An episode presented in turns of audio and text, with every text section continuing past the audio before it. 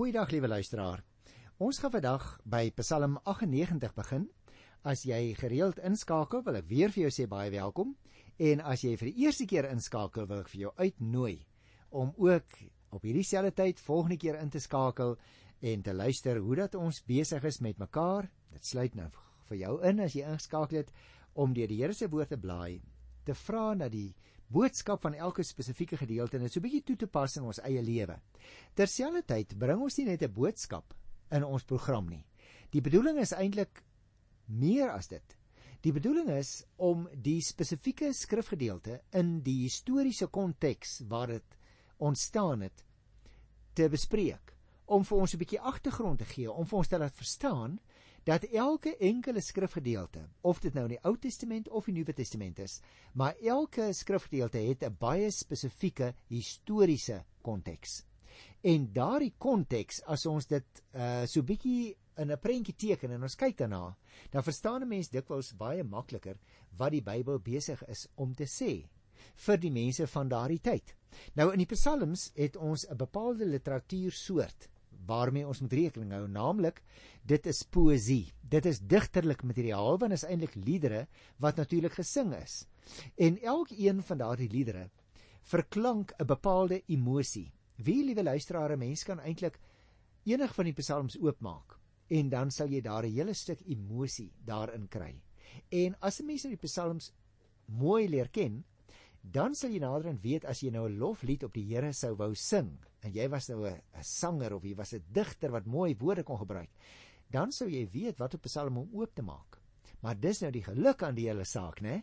As jy nou nie 'n sanger is wat jou eie liedere kan skryf nie, is nie 'n digter wat jou eie gedigte kan skryf nie, dan kan jy nou een van daardie soort liedere in die psalmbundel oopslaan en jy kan dit as dit ware aan die Here voordra. Sommers so in die stilte van jou eie hart, want die Here ken mos die bedoeling van ons harte. Of jy kan dit uh, sing. Jy kan selfs 'n musiekinstrument speel as jy 'n bereiming het. Al die ou bereimings het natuurlik vir ons verlore gegaan en dit sou ons waarskynlik ook nie aangespreek het nie want dit was heeltemal in 'n ander kultuur historiese konteks.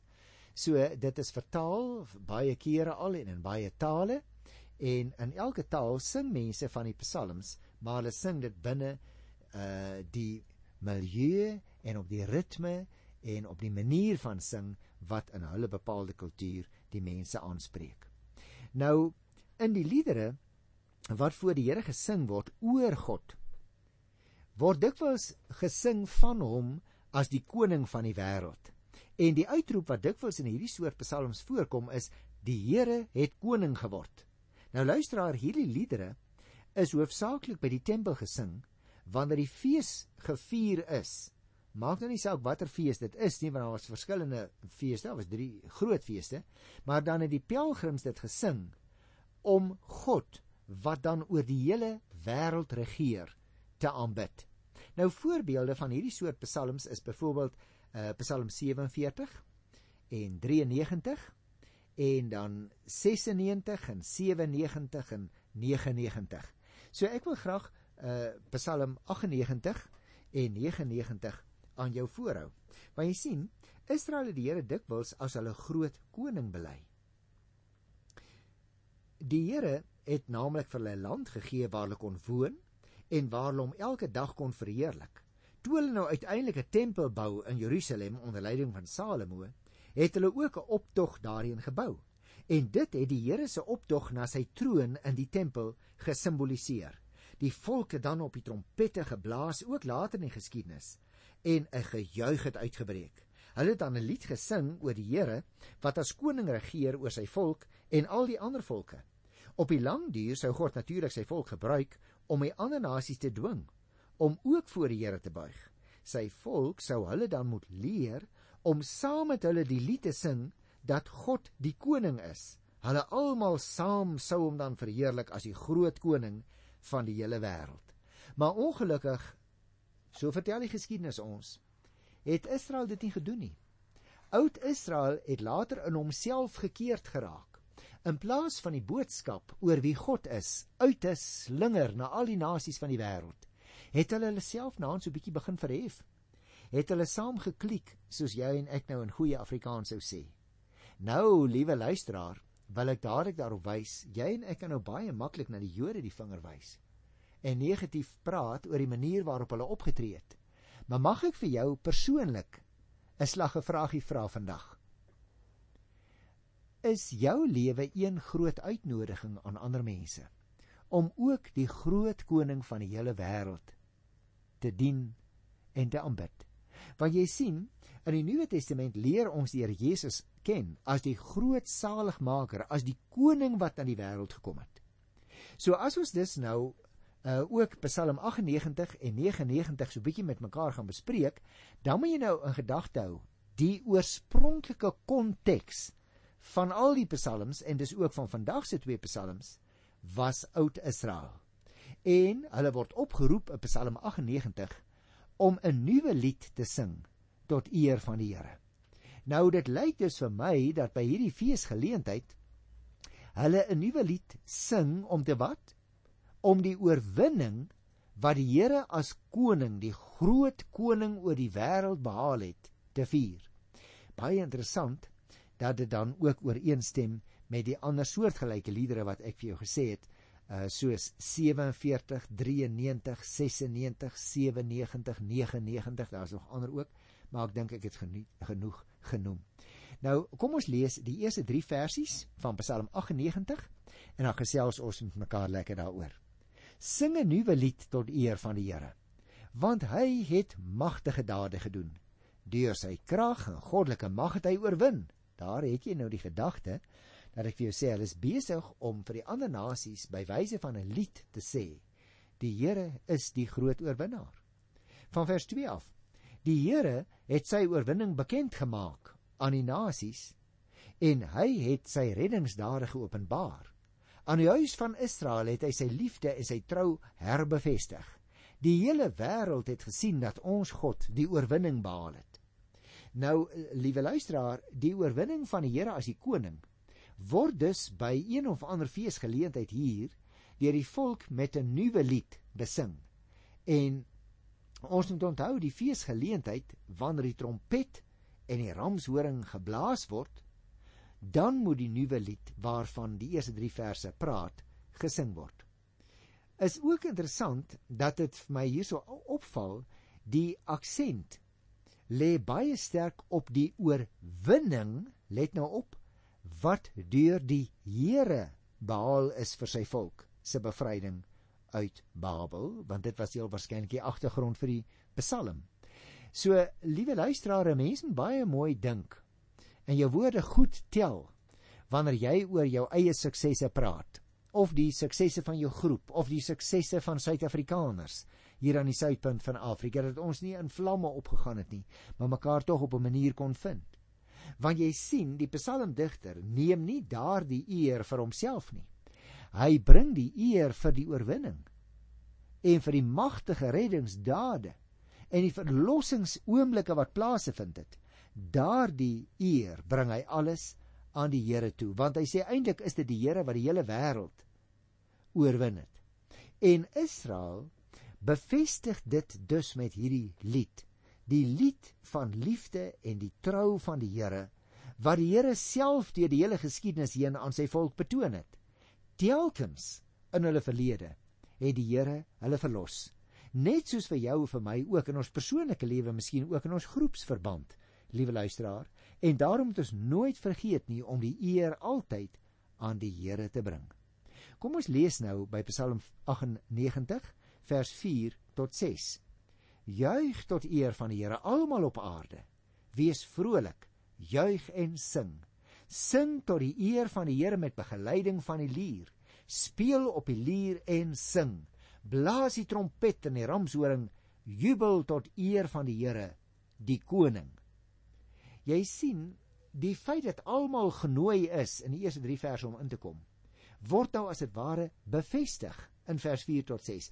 Alle volke moet in hierdie musiekfees kom deel om die eer van die Here, die groot koning, te besing. Met ander woorde, soos wat ons ook uh, in die vorige program gesien het in vers 96, daar by die 7de vers, word alle volke hier in Psalm 98 nou ook opgeroep om met sang en met musiek vers 5 saam met die verbondsvolk te kom deel in die feesvreugde. Op die feesdag waarop die oorwinningsfees dus gevier word, word almal, iedereen en elk opgeroep. Hoe word hulle opgeroep? Met trompet en ramshoring. Om te wat? Om te jubel tot eer van die Here die koning staan daar.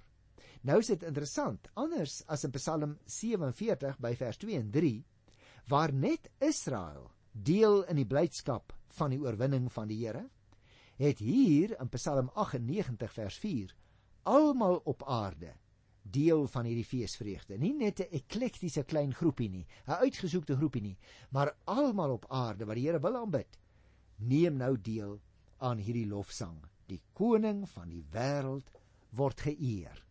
En luister nou na vers 7 en vers 9 in Psalm 98. Die see en alles daarin moet druis.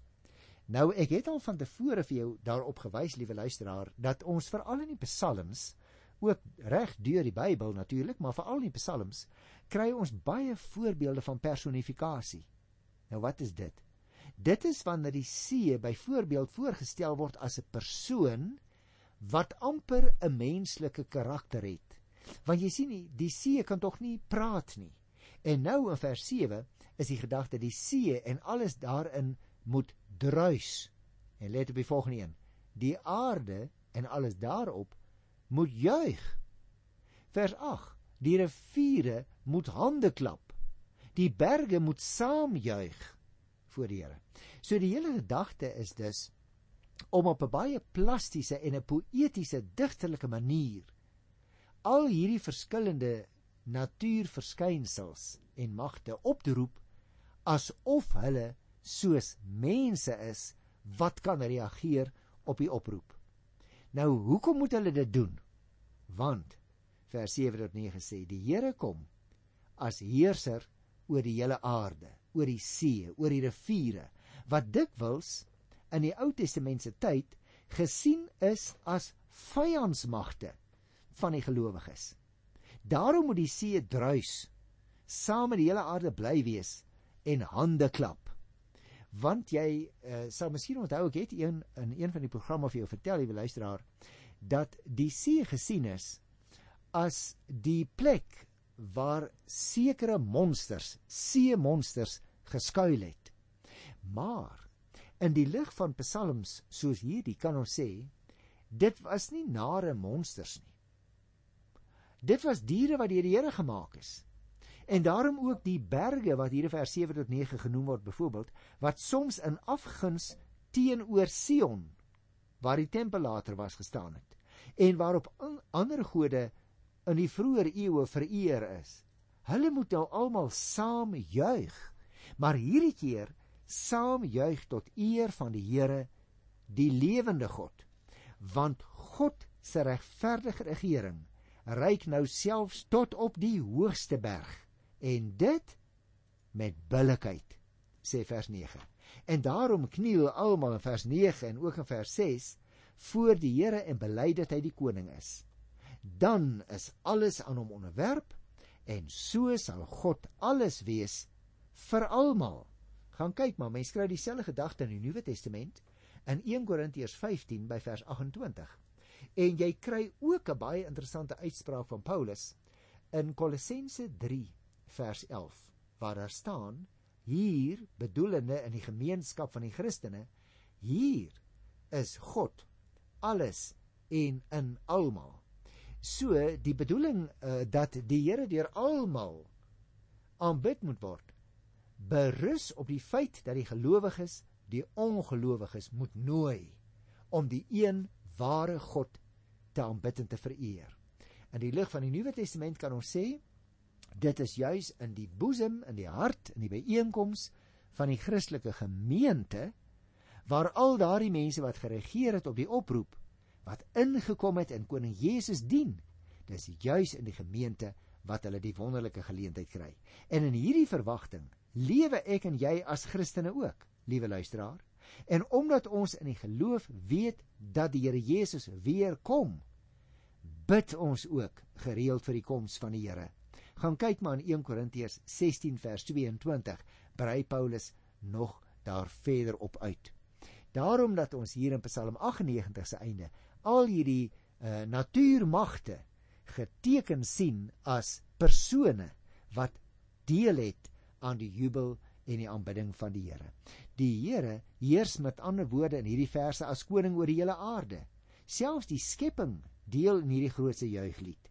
Die rede hiervoor is dus dat daar uiteindelik 'n regverdige heerskappy op aarde sal wees. En dit is tog waarop die Christen ook hoop en waarvoor die kerk bid, waarvoor jy en ek elke dag by die Here intree, dat daardie oomblik sal aanbreek, hoe gouer hoe beter, dat God finaal sal kom regeer op 'n regverdige manier oor al die mense van hierdie wêreld. Daarom roep Psalm 98 ons op om selfondersoek te doen.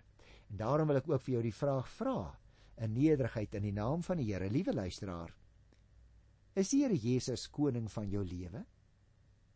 En as hy nie koning van jou lewe is nie, wie of wat is dit wat jy in jou geestelike verblindheid vereer? Ek wil nou graag in die tweede deel van ons program so 'n bietjie met jou gesels oor Psalm 99. Nou dit is ook nie 'n baie lang Psalm nie, maar 'n ewe pragtige Psalm en een van die sogenaamde geskiedenispsalms. Onthou jy nog wat is 'n geskiedenispsalm? 'n Geskiedenispsalm is een wat so 'n bietjie terugkyk in die geskiedenis en wat 'n mens dan uh, herinner aan die geskiedenis wat agter lê as jy Ou Testamentiese gelowige is. So ter inleiding miskien 'n paar opmerkingies. 'n Mens kan naamlik Psalm 99 baie duidelik indeel in 3 strofes. Vers 1 tot 3, dan 4 tot 5 en dan vers 6 tot 9. En die tema wat bo aan staan ook in die Afrikaanse teks is: Die Here, ons God, is heilig. Waaroor gaan dit in Psalm 99? As ek dit moet opsom luisteraars, sou ek soos volg sê: Die koningskap van die Here word verwerklik in sy majesteit en heiligheid. Dit skrik die vyand af, ja, maar dit inspireer die gelowiges tot 'n lofsang. Met ander woorde, luisteraars, die belydenis dat die Here heilig is, verdeel juis hierdie Psalm baie netjies in 3 dele.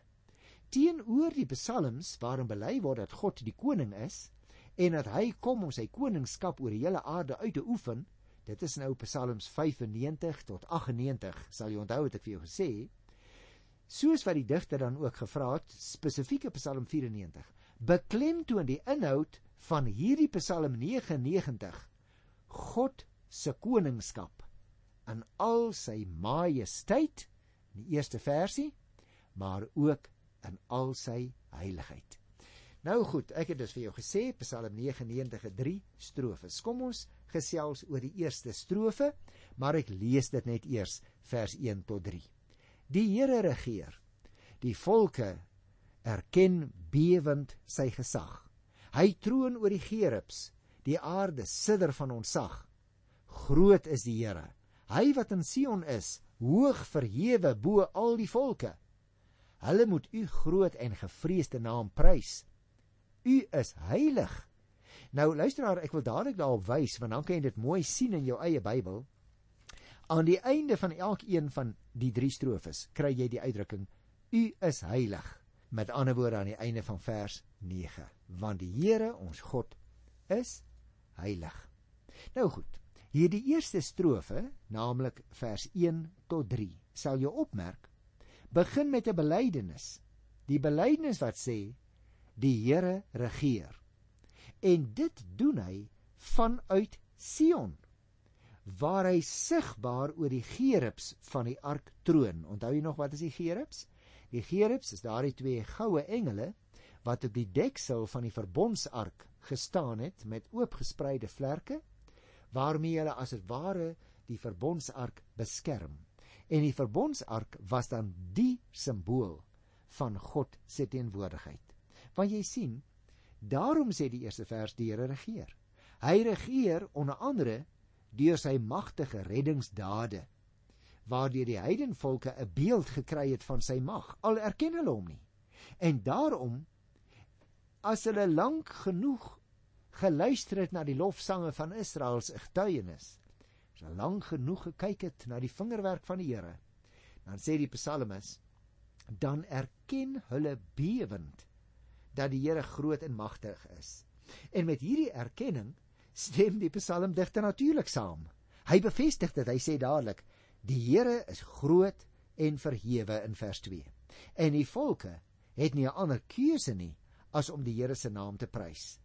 Met ander woorde luisteraar, die naam van die Here is in Jerusalem gevestig deurdat die Here sy tempel daar laat bou het. Die naam van die Here is vir die gelowige 'n versekering dat God daar is en dat hy die wat hom aanroep help. Ons het dit natuurlik ook gekry in Psalm 5 by die 12de versie. Maar die naam van die Here moet jy oplet, werk ook na die ander kant toe om. Wie nie die naam van die Here in eerbied aanroep nie, vind dat die naam hom kan tref. Dit wek dus ontzag staan daar en is hoog verhewe. Die Here se naam is heilig want God is heilig. Gaan kyk maar in 1 Samuel 6 by die 20ste eh, versie kry jy ook hierdie hele gedagte. En dus ook in hierdie Psalm se eerste 3 verse. Hy regeer uit Sion, hy is heilig, sy naam is daar gevestig. Dan kom ons by die tweede strofe van Psalm 99 en dit strek van vers 4 tot by vers 5. Kom ons lees dit met mekaar saam. U is die magtige koning. U het die reg lief. Wat reg is, het u tot stand gebring. U het reg en geregtigheid te Jakob gevestig. Prys die Here ons God. Kom buig in aanbidding voor hom. Hy is heilig. Jy moet dus oplet, liewe luisteraar, as koning het die Here ook geluister na die gebede van sy dienaars, so sê die 6ste vers, en aan hulle die regte onderrig vir die lewe gegee. Hy het hulle nie duister gelaat oor wat hy van sy volgelinge verwag nie, sê vers 7. By Sinai en elders het die Here vanuit 'n wolk sy wil verkondig. En nou ja, mens dink natuurlik dadelik aan 'n gedeelte soos Eksodus 19 uh en ook uh Eksodus 20. Prakties beteken dit dus Wie nie berou het oor die oortreding van sy wil nie, straf die Here. Maar aan die ander kant, wie berou het, die vergewe die Here. Gekyk maar in vers 8 hier in uh, ons Psalm 99, dan sal jy dit baie duidelik sien. En dan sluit die Psalm 99, sluit die psalmis uh, sy lied af in vers 6 tot 9 met die derde strofe. Kyk nou hoe wys hy ook terug in die geskiedenis. Hy sê: Moses en Aaron was onder sy priesters. Samuel onder die wat sy naam aangeroep het. Hulle het die Here aangeroep en hy het hulle gebed verhoor. In 'n wolkkolom het God met hulle gepraat en hulle het sy voorskrifte gehoorsaam, die opdragte wat hy hulle gegee het. Here, ons God, U het hulle gebede verhoor. U was vir hulle 'n vergewende God, maar een wat ook hulle sondes gestraf het. Prys die Here ons God buig voor hom op sy heilige berg want die Here ons God is heilig. En daar luisteraars het ons nou soos ek net nou vir jou verduidelik het die derde keer die herhaling van die uitdrukking ons God is heilig. Dit kom telkens voor aan die einde van elkeen van die drie strofes in Psalm 99 nou mag jy my vra liewe luisteraar waaroor gaan hierdie drie psalms wat ons nou al met mekaar klaar behandel het in kort. Dit bely dat God die koning is en dat hy kom om sy koningskap oor die hele aarde uit te oefen. Dit word bevestig elke keer wanneer daar ook gesê word in hierdie laaste klompie psalms wat ons behandel het dat die Here regeer en tweedens dat die Here heilig is. Ek wil baie graag vir jou uitnooi, liewe luisteraar, wie jy ook al is. Of jy 'n Christen is en of jy hom nog nie aangeneem het as jou saligmaker nie. Of jy op hierdie oomblik in 'n motor ry of jy op 'n bed lê of jy sommer net die radio aangeskakel het op ons program, dan wil ek vir jou uitnooi. Kom buig vir die soveelste keer of kom buig vir die eerste keer voor Jesus Christus, die groot koning oor die hele aarde. Ek groet jou tot volgende keer in sy wonderlike naam. Tot dan. Totsiens.